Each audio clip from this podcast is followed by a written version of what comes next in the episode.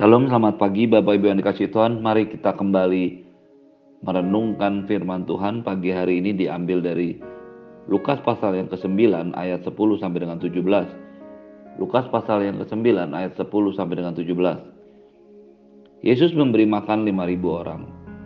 Sekembalinya rasul-rasul itu menceritakan kepada Yesus apa yang telah mereka kerjakan. Lalu Yesus membawa mereka dan menyingkir ke sebuah kota yang bernama Bethsaida sehingga mereka hanya bersama sama dengan dia saja. Akan tetapi orang banyak mengetahuinya lalu mengikuti dia. Ia menerima mereka dan berkata-kata kepada mereka tentang kerajaan Allah. Dan ia menyembuhkan orang-orang yang memerlukan penyembuhan. Pada waktu hari mulai malam datanglah kedua belas muridnya kepadanya dan berkata, Suruhlah orang banyak itu pergi supaya mereka pergi ke desa-desa dan kampung-kampung sekitar ini untuk mencari tempat penginapan dan makanan. Karena di sini kita berada di tempat yang sunyi. Tapi ia berkata kepada mereka, "Kamu harus memberi mereka makan." Mereka menjawab, "Yang ada pada kami tidak lebih daripada lima roti dan dua ikan, kecuali kalau kami pergi membeli makanan untuk semua orang banyak ini." Sebab di situ ada kira-kira 5000 orang laki-laki. Lalu ia berkata kepada murid-muridnya, Suruhlah mereka duduk berkelompok-kelompok. Kira-kira 50 orang sekelompok. Murid-muridnya melakukannya dan menyuruh semua orang banyak itu duduk. Dan setelah itu ia mengambil lima roti dan dua ikan itu. Ia menengadah ke langit mengucap berkat lalu memecah-mecahkan roti itu dan memberikannya kepada murid-muridnya supaya dibagi-bagikannya kepada orang banyak. Dan semua mereka makan sampai kenyang. Kemudian dikumpulkanlah potongan-potongan roti yang sisa sebanyak 12 bakul.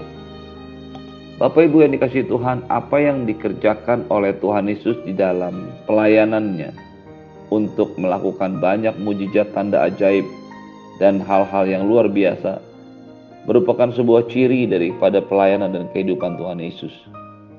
Ada banyak cerita yang kita akan temui setiap kali kita membaca firman Tuhan tentang kehidupan Yesus sebagai manusia. Ada hal-hal yang harus kita cermati betul-betul ketika kita belajar firman Tuhan tentang mujizat lima roti dan dua ikan ini. Yang pertama kita pelajari dalam ayat yang ke-10 Sekembalinya rasul-rasul itu menceritakan kepada Yesus apa yang telah mereka kerjakan. Yang dimaksudkan di sini adalah ketika Yesus mengutus murid-muridnya untuk memberitakan Injil, menyembuhkan orang sakit dan mengusir setan-setan. Dalam ayat ke-7, maaf, dalam ayat yang pertama dari kitab Lukas pasal yang ke-9 ini, Tuhan Yesus memberikan kepada murid-muridnya tenaga dan kuasa sehingga mereka boleh melayani Tuhan. Dan mereka murid-muridnya mengerjakan semua yang Yesus ingin mereka kerjakan. Apa yang diutus, ke mana mereka pergi, itulah yang dikerjakan. Dan menjadi tujuan dari perjalanan murid-muridnya. Sekembalinya dari perjalanan itu mereka menceritakan kepada Tuhan Yesus apa yang sudah mereka kerjakan. Kita tidak tahu apa yang menjadi respon Yesus ketika mendengar murid-muridnya memberikan laporan tentang pekerjaan dan pelayanan mereka. Bagian dari kitab Markus dan juga Matius serta Yohanes menceritakannya, tetapi pagi hari ini kita melihat ada satu catatan yang ditulis oleh Lukas yang mengatakan lalu Yesus membawa mereka dan menyingkir ke sebuah kota yang bernama Bethsaida sehingga hanya mereka saja bersama dengan dia. Di balik sebuah keberhasilan, kesuksesan murid-muridnya dalam melayani, yang pada awalnya semuanya berasal dari kuasa dan tenaga, otoritas, eksosia, dan dunamos, kuasa untuk melakukan hal-hal ajaib. Semuanya berasal daripada Tuhan Yesus. Murid-murid hanya menerima apa yang disampaikan, apa yang diajarkan oleh Tuhan Yesus, apa yang ditransferkan oleh Tuhan Yesus. Ketika murid-muridnya mungkin merasa memiliki sesuatu, maka Yesus membawa mereka ke tempat yang sunyi. Sebuah kata-kata yang sangat jelas ke sebuah kota yang bernama Bethsaida sehingga mereka hanya bersama saja dengan dia. Mereka hanya mereka saja bersama dengan dia. Bethsaida adalah sebuah kota kecil di pinggiran Danau Galilea, dekat kota Kapernaum. Bethsaida adalah tempat di mana banyak murid Yesus, rasul-rasulnya berasal. Bethsaida berarti rumah nelayan, karena memang itu adalah tempat atau perkampungan para nelayan. Sebuah kota yang kecil, bagian lain dari kitab sinopsis mengatakan bahwa Bethsaida adalah kota yang sunyi. Mengapa Yesus harus membawa murid-muridnya ke kota yang sunyi setelah mereka berhasil menggenapi melakukan apa yang Yesus mau mereka kerjakan dalam pelayanan mereka. Yesus ingin membawa murid-muridnya kepada sebuah kenyataan kehidupan ilahi. Bahwa kehidupan ilahi kekristenan kita berasal dari sebuah hubungan dengan Tuhan. Apa pun yang terjadi yang diberikan Allah atas hidup kita, baik pribadi, keluarga, pelayanan, bisnis, pekerjaan, haruslah membawa kita tetap dan selalu terkoneksi dengan Tuhan. Itulah sebabnya mengapa di balik kesuksesan yang dialami oleh murid-muridnya, Yesus membawa mereka ke tempat menyingkir ke sebuah kota yang bernama Bethsaida. Kata menyingkir ini menunjukkan sebuah sikap atau tindakan yang memberikan kesan menghindari. Inilah yang dilakukan oleh Tuhan Yesus di tengah euforia keberhasilan pelayanan. Dia selalu membawa murid-muridnya untuk kembali menyingkir dan tinggal bersama-sama dengan Allah. Yesus ingin mengajar murid-muridnya hanya mereka saja karena dia ingin mengajarkan bagaimana meresponi sebuah keberhasilan dalam kehidupan. Ketika hal ini terjadi dan diketahui oleh banyak orang, maka orang-orang mencoba mengejar Yesus. Mereka mencari Yesus karena membutuhkan pertolongan Yesus membutuhkan pengobatan, penyembuhannya, membutuhkan kelepasan dari semua keterikatan belenggu dosa dan pekerjaan sejahat. Tetapi poin yang pertama yang dicatat pagi hari ini adalah Yesus selalu membawa murid-muridnya untuk kembali kepada Tuhan, untuk menyingkir setelah mengalami kesuksesan.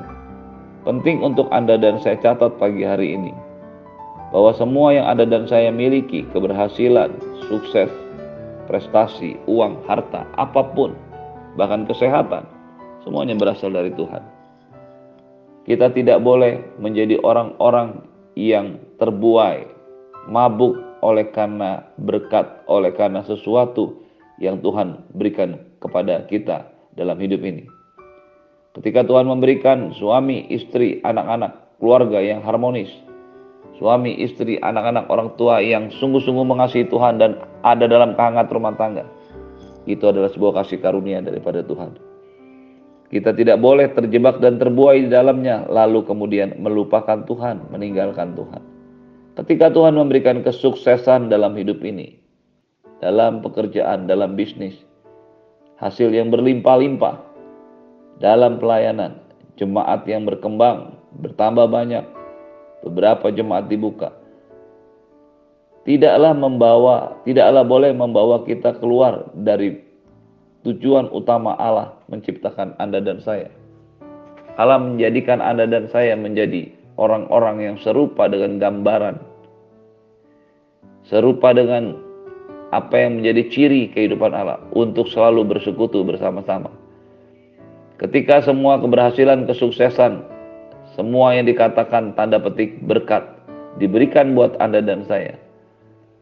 Tuhan ingin selalu membawa kita menyingkir keluar dari semua itu dan hanya tinggal bersama dengan Tuhan saja. Untuk memastikan bahwa Anda dan saya tetap setia, tetap mengikut Tuhan, tetap melayani Tuhan.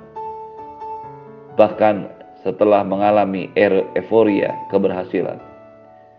Yang kedua, Yesus menyadari bahwa dia dibutuhkan oleh banyak orang. Itu sebabnya ketika banyak orang mencari dia, ia menemui mereka dan mengajar mereka.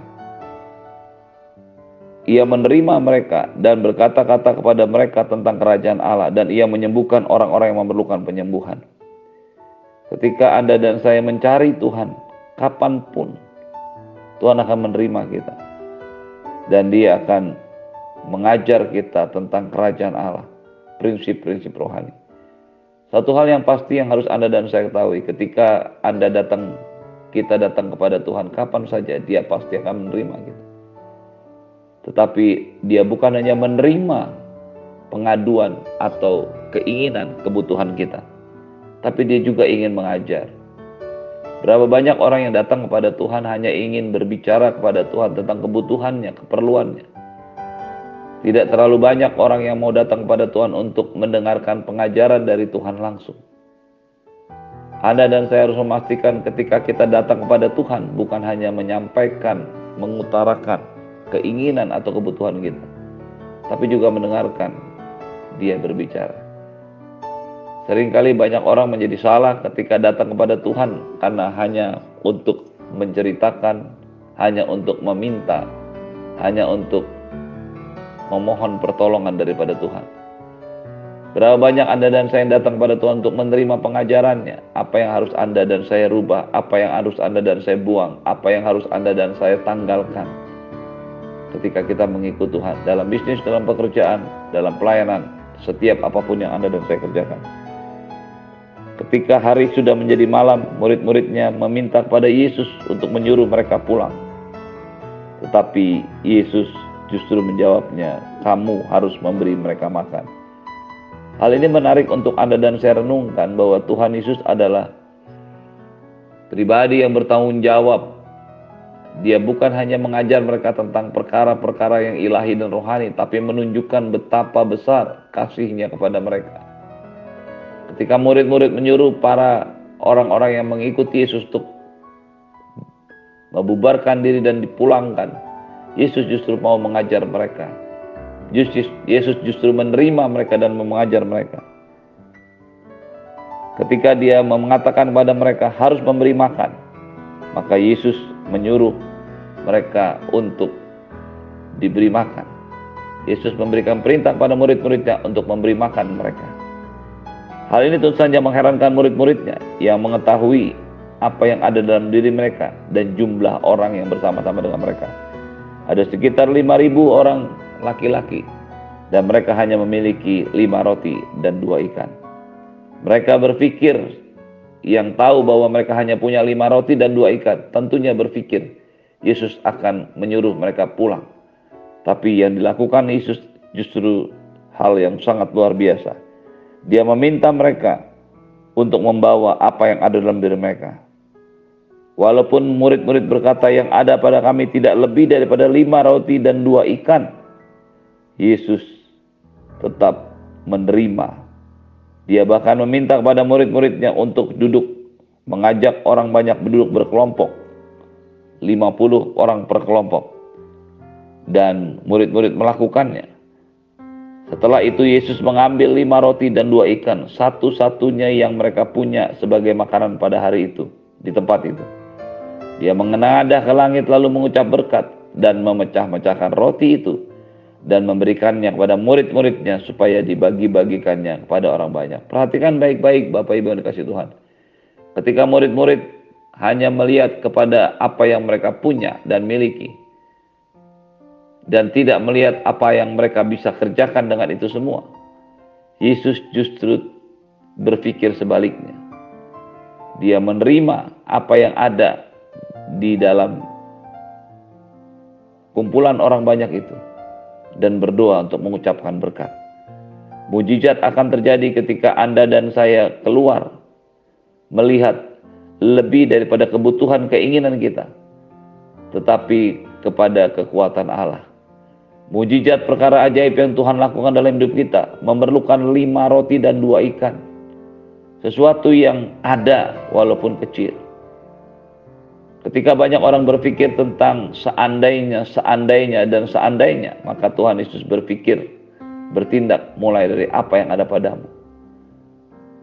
Ketika Anda dan saya ingin mengalami mujizat Tuhan, Anda tidak perlu berpikir seandainya, tapi Anda mulai berpikir dengan apa yang bisa aku lakukan dan kerjakan.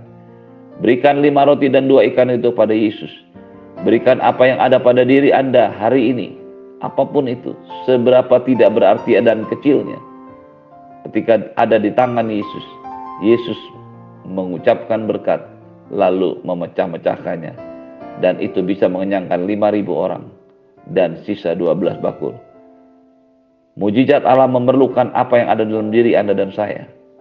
Apa yang ada dalam diri saya dan Anda mungkin bukan sesuatu yang besar, tetapi ketika itu diserahkan, diucapkan berkat oleh Yesus, maka itu akan berkembang dan menghasilkan banyak hal dalam hidup ini. Itulah yang terjadi oleh murid-murid Yesus yang membawa lima roti dan dua ikan.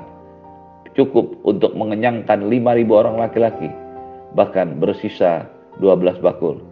Bawalah apa yang ada pada dirimu pada Tuhan, dan alamilah mujizat Tuhan Terimalah berkat yang berlimpah dari Bapa di surga, cinta kasih dari Tuhan Yesus, penyertaan yang sempurna daripada Roh Kudus. Turun berlimpah-limpah atas hidupmu hari ini dan sampai selama-lamanya. Di dalam nama Tuhan Yesus semua yang percaya katakan amin. Shalom, selamat pagi, selamat beraktivitas, Tuhan Yesus berkati.